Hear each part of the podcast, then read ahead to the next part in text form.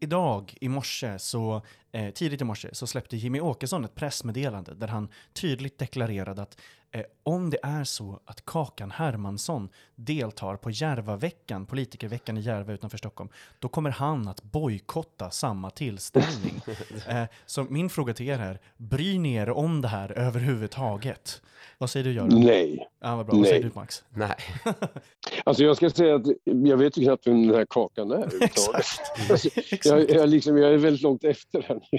Jag vet knappt vad L är heller, trots att jag faktiskt har skrivit en bok om mode tillsammans med, eh, med Barbro Hedvall. Jag, vet- jag har noll koll på allting här känns det som. Och vi ska prata mer känsla, senare också. Ja, men jag håller helt med. Mm. Jag, jag älskar att inte veta någonting. Det är faktiskt en trend i amerikansk eh, så här, ungdoms eh, liksom, dialektik eller estetik eller vad man ska säga just nu där. Man säger head empty, att man skulle vilja vara head empty.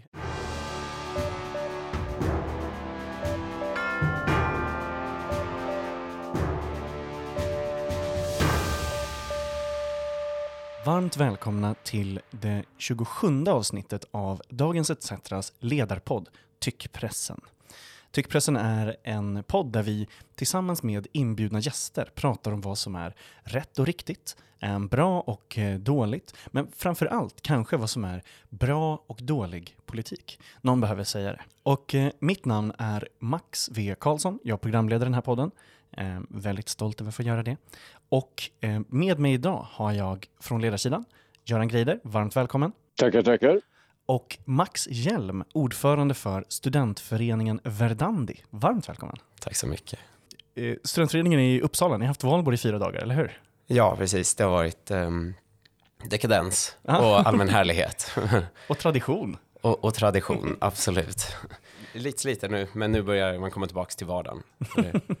Jag förstår. Jag, eh, jag, eh, jag har firat eh, valborg i Uppsala några gånger och så, eh, jag tror att det var 2016 eller något sånt där, så då eh, sov jag hemma hos en kompis i, i Flogsta, eh, i hans rum, och han hade eh, ett väldigt spartanskt rum, vissa skulle kanske säga ett killrum, eh, med en svart lädersoffa, en Playstation 2 och en matta och inte jättemycket mer än så. Eh, Och när jag skulle sova där då, då var det så, det var, blev så kallt på natten så att jag sov under hans sån här runda fake-päls Ikea-matta eh, och, och, och mådde väl mm, som jag förtjänade. Men eh, när vi vaknade på morgonen det året, då var det snö. Eh, Och jag skulle åka Mm. jättetidigt för jag ville såklart in, jag ville fortfarande inte missa första maj. Eh, Så det var snö och jag hade sovit så dåligt under den här mattan och kände verkligen att det här är någon, någon form av kosmisk karma liksom, grej. Antingen så har jag gjort något fruktansvärt eller så liksom väntar paradiset på mig när jag väl anländer i första maj-tåget. Ehm, och eh, det var, väl inte först, det, var- väl inte paradis kan jag säga, men, men eh, det blev bättre i alla fall. Det var bara så surrealistiskt att vakna och liksom se ett helt snöbeklätt Uppsala dagen efter, liksom en, ja, kanske världens vårfest. Liksom. Ja, men hela vänstern sover ju under en matta och har gjort det ganska länge. Väldigt sant. Har du firat valborg i Uppsala någon gång, Göran? Nej, jag har faktiskt inte gjort det. Jag brukar fira i Dala-Floda, fast där har de så konstiga traditioner så att eh, de tänder elden eh, ibland två dagar innan och sånt där. Det är likadant med midsommar, det infaller aldrig på vanliga... eh, jag vet inte varför. Eh, Och sen har de en rolig tradition just på valborg i, i Dala-Floda. Det är en sån urgammal tradition som Sverigedemokraterna har försökt lägga beslag på på något sätt, här, fast de inte har lyckats. Då. Folk klär ut sig till något som kallas för valborrar, alltså ser fruktansvärda, alltså Ja, en sorts halloween, halloween alltså det är någonting från typ 1500-talet eller Det är de där potatissäckarna Eh. och sånt där. Vi pratade ju eh, lite om det för den som vill eh, höra om Gimle, den jättekonstiga kulturföreningen. Så har vi ett avsnitt av Tyckpressen om det. Eh, hur, de miss- Jaha. hur SD misslyckas med att, att eh, försöka ta, ta sig an alla sådana där och det mest är töntigt. Men eh, innan vi börjar bara, eh, så eh, först vill jag fråga om Verdandi. Vad är studentföreningen Verdandi? Alltså, det här känns ju någonting som kanske har, har funnits. Vad, eh, eh, snälla berätta för Dagens ETCs lyssnare om vad det är. Ja, men kortversionen är väl så här. Studentföreningen Verdandi startades 1882 av Karl Staff och Hjalmar Branting bland annat och har alltid varit en humanistisk och kulturradikal förening som eh, försökt förena liberaler och arbetarrörelse. Och den eh, gick ner sig lite i Uppsala i, under eh, typ 60-talet så. Det var ju mer av en vänstervåg då. Eh, men nu är vi tillbaks. Eh, Mm. tillbaks försöker eh, värna den här idétraditionen, ses, dricka lite öl, eh, lyssna på talare, Senast hade vi en eh, debatt om meritokrati med, med eh, bland annat Erik Rosén från Aftonbladet och, och Lena Andersson. Och eh, nästa grej vi ska göra är en, att ha en vernissage, ställa ut konst och så. Vi försöker jobba ganska brett liksom, med kultur och politikbegreppet. Men eh, framförallt att vara liksom, för de som är eh, individualister och som på olika sätt värnar frihet. Har du pengar på banken? ETC Sol investerar dina pengar i solceller, det vill säga framtiden. 2500 personer har sparat pengar och får nu 2% ränta. Vill du vara med? Läs mer om hur du sparar på etcsol.se. Dagens ämne är kristdemokratisk vibecheck. Och en vibecheck för de eh, lyssnare som kanske inte vet det är helt enkelt en koll över vibbarna, måendet, signalerna man skickar ut, eh, energin lite också. Eh, vi ska ta tempen på Kristdemokraterna. Eh, och vi ska prata om eh, hur partiet mår, lite av de senaste skandalerna, lite motstånd och sånt där. Um, och eh, jag har som vanligt delat upp det här i tre punkter. Min första punkt har jag döpt till Norska Katalys har faktiskt en poäng. Norska Katalys, har, eh, den norska versionen av eh, svenska fackliga tankesmedjan Katalys, har släppt en ny bok som heter Johaug-metoden. Och det handlar alltså om partiledaren för Fremskrittspartiet som har en särskild metod som de har identifierat för att få synas väldigt mycket i media. De kallar den här porslinsapan, eh, nu ska jag se så att jag säger rätt, porslinsapan, fåret och lejonet. Och porslinsapan, det är en liten apa som säger något jättedumt för att dra till sig uppmärksamhet. Sen så går man till steg två där man eh, eh med den här då, eh, att man låtsas som att eh, eh man, menade, eller man har blivit fultolkad eller feltolkad. Och på den sista så går man på attack istället. Men ni som attackerar mig, det är ju ni som egentligen är de dumma. Eh, och det här är ju någonting som vi känner igen när man sätter ord på det som en klassisk egentligen mediestrategi. Alltså att man säger någonting för radikalt som man vet kommer tolkas på ett visst sätt eh, och sen så eh, tar man tillbaka det, säger att jag är offret och sen säger alla ni är dumma som inte har pratat om de riktiga problemen. Med det här sagt eh, så eh, kommer vi in då på liksom pang pang gate och, och lite sånt där när Eh, eh, Ebba Busch då eh, eh ja, men frågade sig eh, eh, med förberedda talepunkter om varför inte polisen sköt skarpt. Det här är ju nu ett litet tag sedan, men det lever kvar. Så varför pratar vi om det i en ledarpodd? Jo, för att det fortfarande då eh, får konsekvenser både för KD och för Ebba. Ehm, först då, den här liksom, strategin, är det någonting som ni känner igen? Liksom, du, eh, när man sätter ord på det, vad, vad, tror du att det var liksom medvetet att få en mediekalabalik om det här, Max? Vad, vad tror du om Pang Pang Gate? Ja, men det verkar väl genomgående liksom, i KD. Det är väl vad jag har sett Max Sjöberg kallar det trestegsraket liksom. Mm. Och, eh, och sådär. Och, och jag fattar väl att man, det är väl många politiker som gör att försöka göra folk arga. Men det jag inte förstår riktigt är varför man, hur man själv som person orkar fortsätta och verka dum. Man, det är ju lite som vi, alltså Nyamko hade som problem att så här, man vill inte råka säga saker som man behöver ta tillbaka hela tiden. Jag hade skämts jättemycket. Ja, verkligen. Vad, nej, men, vad säger du? Ja, nej, men jag håller med. Ja, men det känns ju som att eh, Bush har en lång tradition av den här eh, metodiken. Alltså, eh, jag tror han tillträdde 2015 var det väl som han blev partiordförande. Eh, och bland det första han gjorde var ju att eh, kräva att Sverige skulle använda JAS Gripen för att bomba i Irak. Det. var så på, jag kommer inte ihåg vad det var, om det var på Almedalen eller någonting. Och det, då blev det ju den där reaktionen. Ja, det var skjuta skarpt, men mm. då med JAS 39 bomba eller vad det skarpt. Ja, bomba skarpt. Eh, hon har, och dessutom när hon plötsligt eh, är den första att meddela att eh, hon ska käka köttbullar med, med Jimmy Åkesson när det var 2019 mm. eller någonting, så är det ju ganska mycket så att det känns som en, en genomtänkt strategi som de har där. Att gå ut med någonting väldigt starkt och sen bli anklagad för en dumhet och sen hävda att det är feltolkat och så vidare. Mm. Att det är något annat som ligger bakom. Ja, precis. Men funkar ja, det här det, tyvärr, Ja, det gör det egentligen. Alltså, det vill jag påstå att det gör. alltså KD i valet, inför valet 2018, ganska länge såg det ut som de skulle åka ur riksdagen. Eh, mm. De var nere på, jag kommer inte ihåg, 2,5 procent eller någonting. Mm. Sen till slut kom de in på 6,5 procent eller någonting.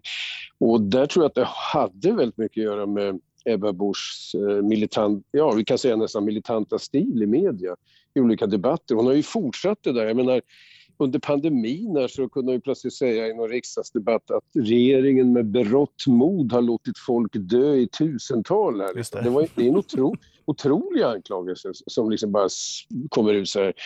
Eh, så hon har ju kört den där linjen hela tiden och det känns som att eh, partiet eh, för sin överlevnads skull har gjort sig beroende av den där taktiken. Alltså. Eh, Eh, för nu kör de samma grej igen, för de ligger, har legat ganska lågt. Mm. Nu hoppas hon att den här mediala uppmärksamheten, vad den är frågan om, ska kunna ja, mobilisera på något sätt och lyfta in.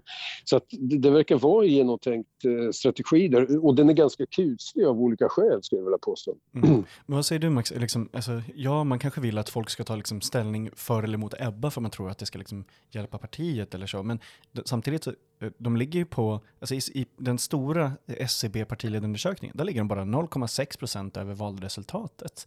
Eh, strax över 5, eller då ligger de på 4,6 procent. Varför tror du att man gör den här strategin? Varför tror du att man använder den? Jag tror man är fast. Nu, nu, jag, tror att det, jag, jag håller med Göran, jag tror att den funkade väldigt bra i början. Nu verkar den inte funka så mm. jättebra. Men vad ska man göra? Man kan inte börja eh, säga så här, nu ska vi, vi ska vara den vuxna i rummet. Man kan inte eh, börja ändra politik. Eh, jag, jag, tror att man är fast och Ebba måste köra liksom. Mm.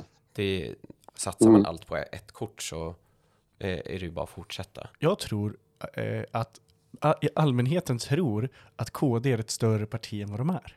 Det tror jag att den här strategin liksom framförallt har lyckats med. I att man pratar ju inte om dem som ett parti som är eh, ofta hälften så stort som Vänsterpartiet eller lite under det. Man tänker på dem som ungefär jämstora, tror jag, i liksom allmän tanke när man bara tänker så här, ja de där partierna liksom. Eh, men, men att Vänsterpartiet skulle vara dubbelt så stora som KD, det tror jag liksom inte är någonting som, som man reflekterar över, eh, eh sett till liksom medieutrymme.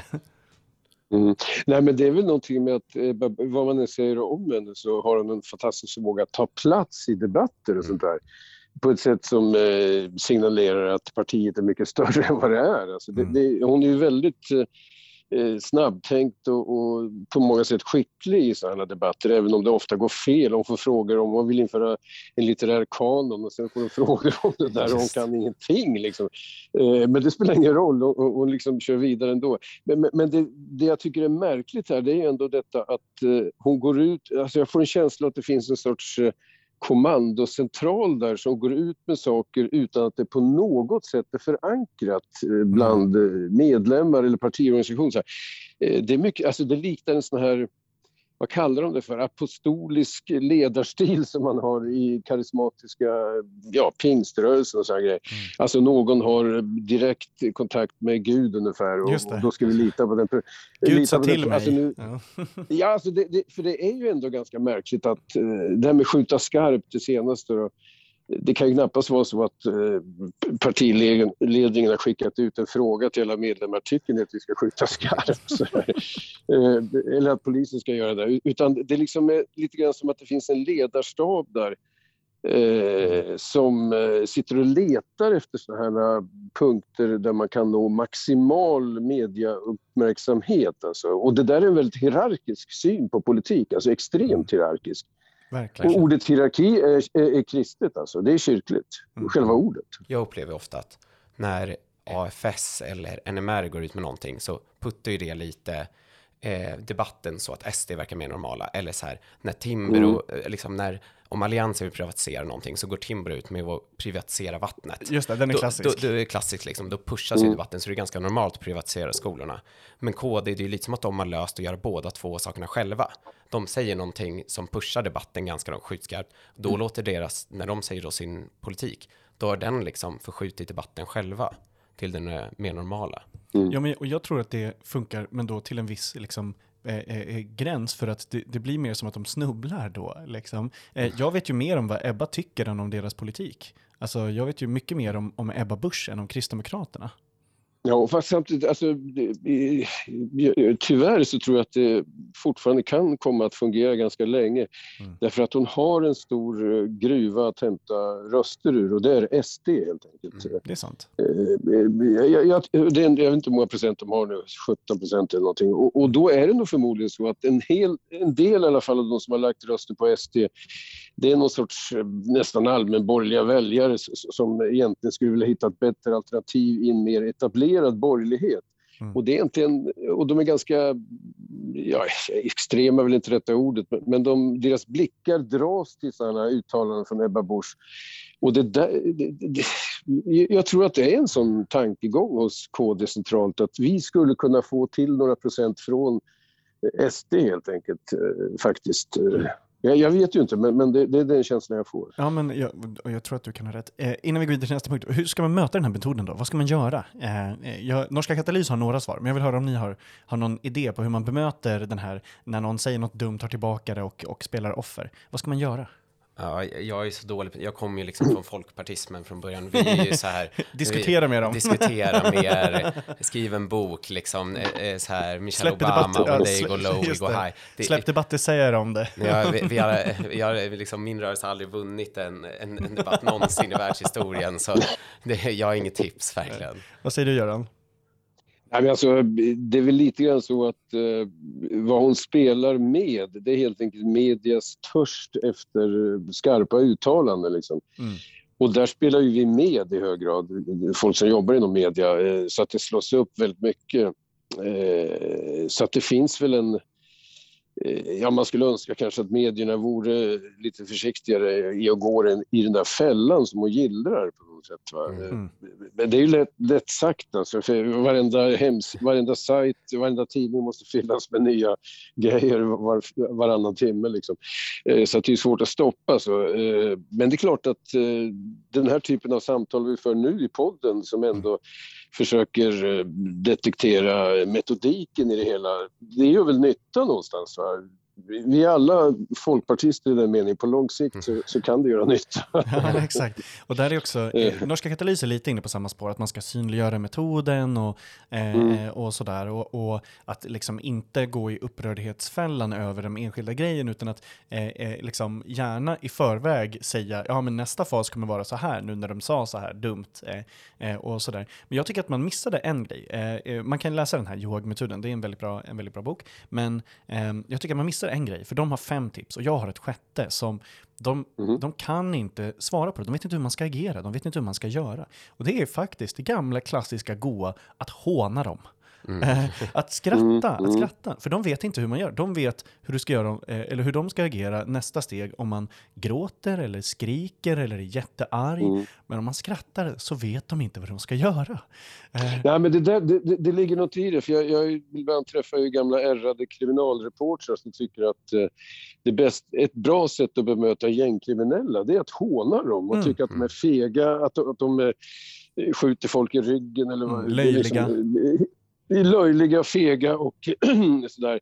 Eh, därför att det ofta till och med varit så på lokaltidningar när det varit eh, brottslighet så kommer eh, brottslingarna in och, och, frågar efter löpsedlarna för att sätta upp dem på väggen hemma. men, men eh, eh, ja, faktiskt alltså. Mm.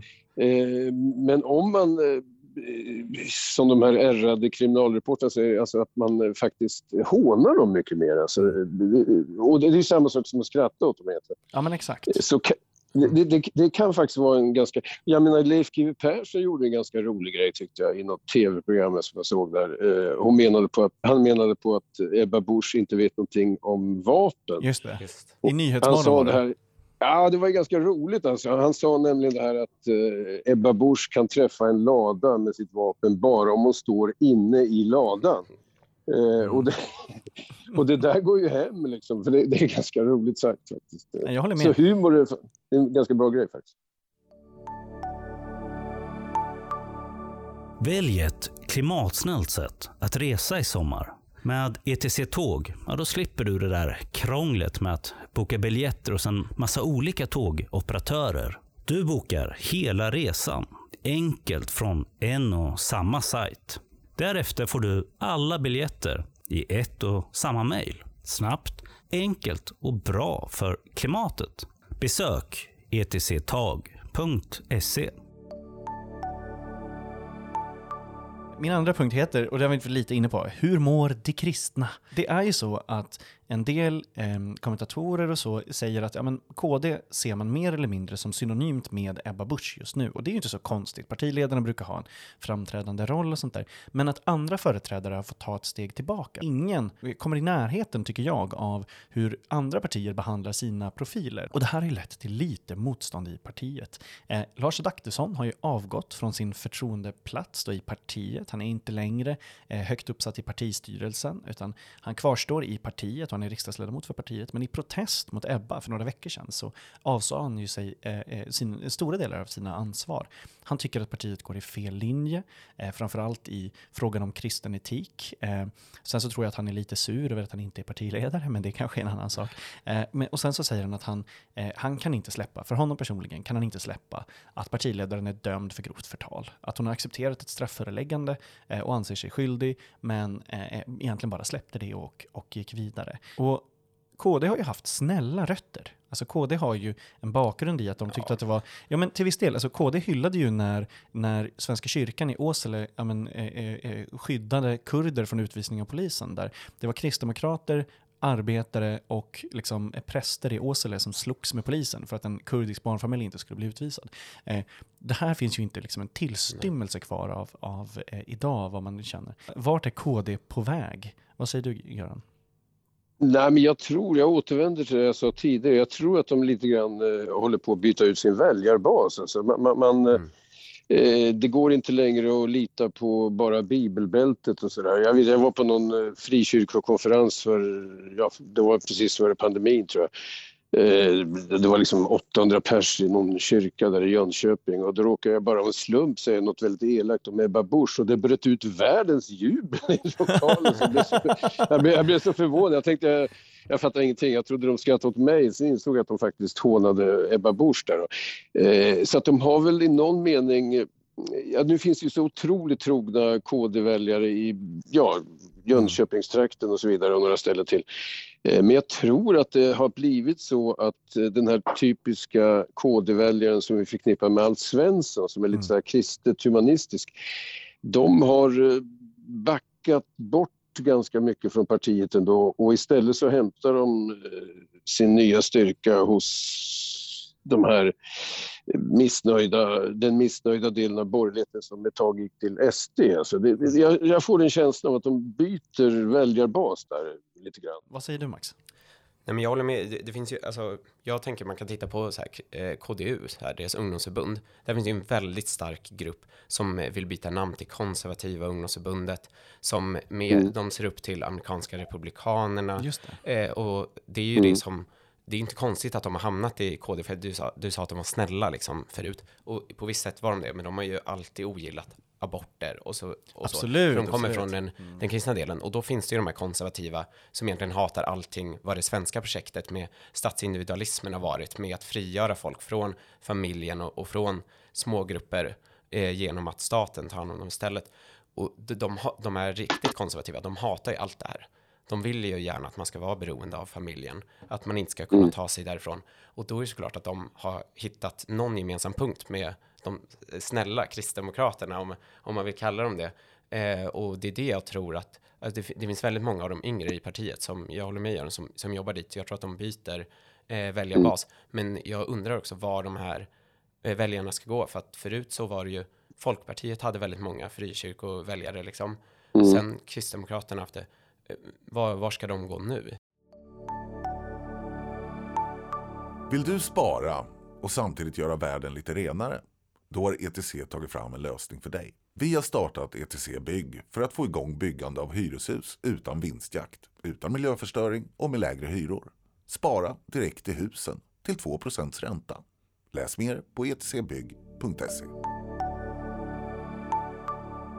Ska hoppa till den sista punkten som jag bara bestämt eh, att kalla det kristdemokratiska slutmålet. Jag skulle vilja höra vad ni tror är liksom, eh, KDs, eh, om KD fick bestämma allt, om KD hade egen majoritet, liksom, hur, hur vill de att samhället ska se ut? Hur ska det kristdemokratiska liksom, samhällsbygget faktiskt eh, eh vara? Om man då tar dem på orden från Ebbas håll. Liksom. Vad tror ni är det kristdemokratiska slutmålet?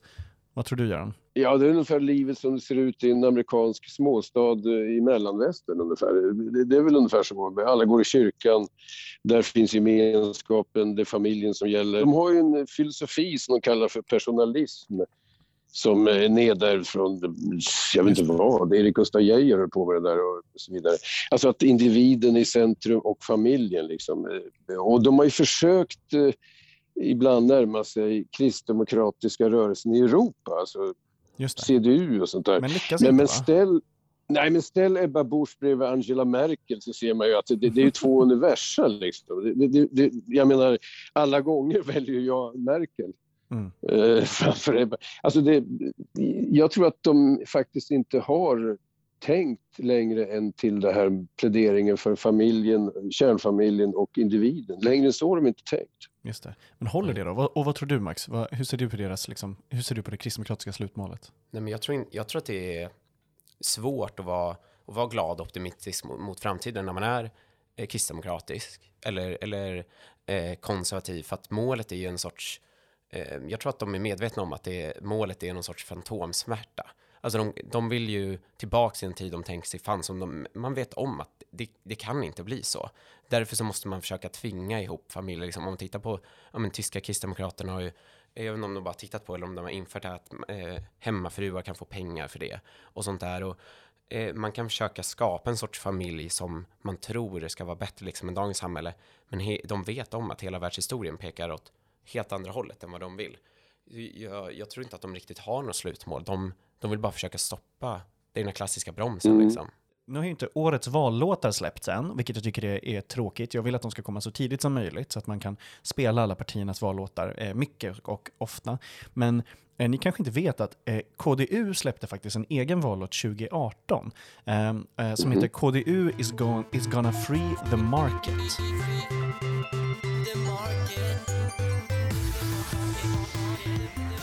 Det här är deras egna beskrivning från den här, det är deras officiella. De säger Året är 2018. Kristdemokraterna och Sverige står inför ett ödesval. Med sviktande opinionssiffror och nervösa valarbetare lanserar KDU sin vallåt med budskapet KDU is gonna free the market. Så redan innan man har hört låten så skjuter de ner sig själva. Lite loser-mentalitet här.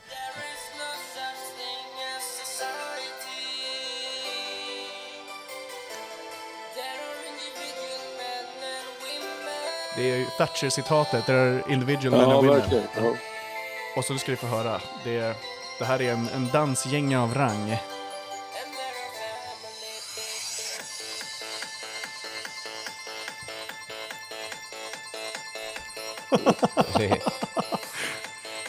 Så det här är KDU is gonna free the market. Du, jag har stått och skriksjungit den här till eh, eh sena blöta kvällar i valrörelsen 2018 faktiskt. nu, du, du får PTSD. Ja. Ja. Säger inte alltid det någonting om den oerhörda betydelse som Timbros eh, opinionsbildning har haft på samtliga borgerliga partier? Jo, alltså Centerpartiet är i princip doppat i, i Timbrosyra helt enkelt. Jag tycker att de har gjort ett jättebra jobb på det där. Jag menar, de, de hade ju ett tag tre av fyra borgerliga partiledare som hade gått Stureakademin med Annie Lööf, Nyamko Sabuni mm. och Ebba Busch. Men jag, jag tror då, alltså, ja. det jag tycker är konstigt är, ja vi ser att, det, det, jag tror också att de har haft en stor påverkan där. Men nu, eh, när man är på Timbro-evenemang, eh, på Stureakademin och sånt där, det är nästan inga kristdemokrater. Förra årgången av Stureakademin var ingen kristdemokrat. Mm. Alltså det, man träff, mm. just de, de vill inte vara där, eh, KDU-arna, mm. verkar det som, i mycket lägre grad. Så då, det undrar jag, för att de verkar ju ändå, de gör en sån här Free the Market-låt, men de verkar inte riktigt känna sig hemma.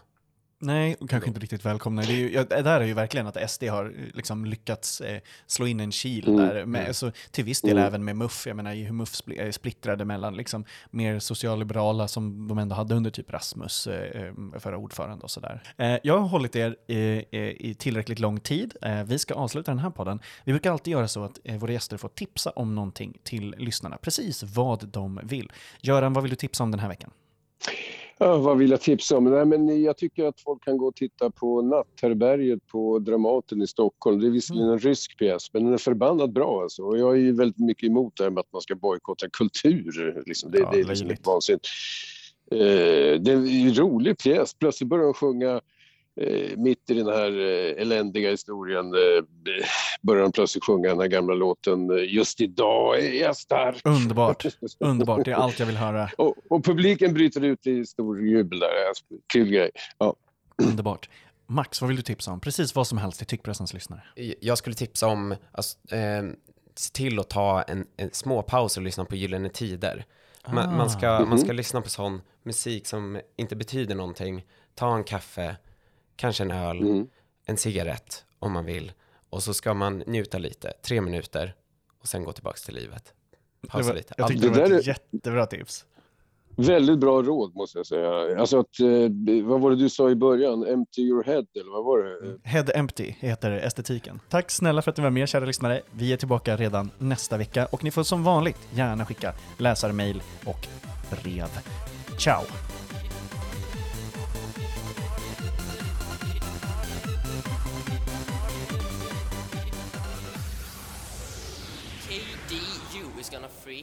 The market.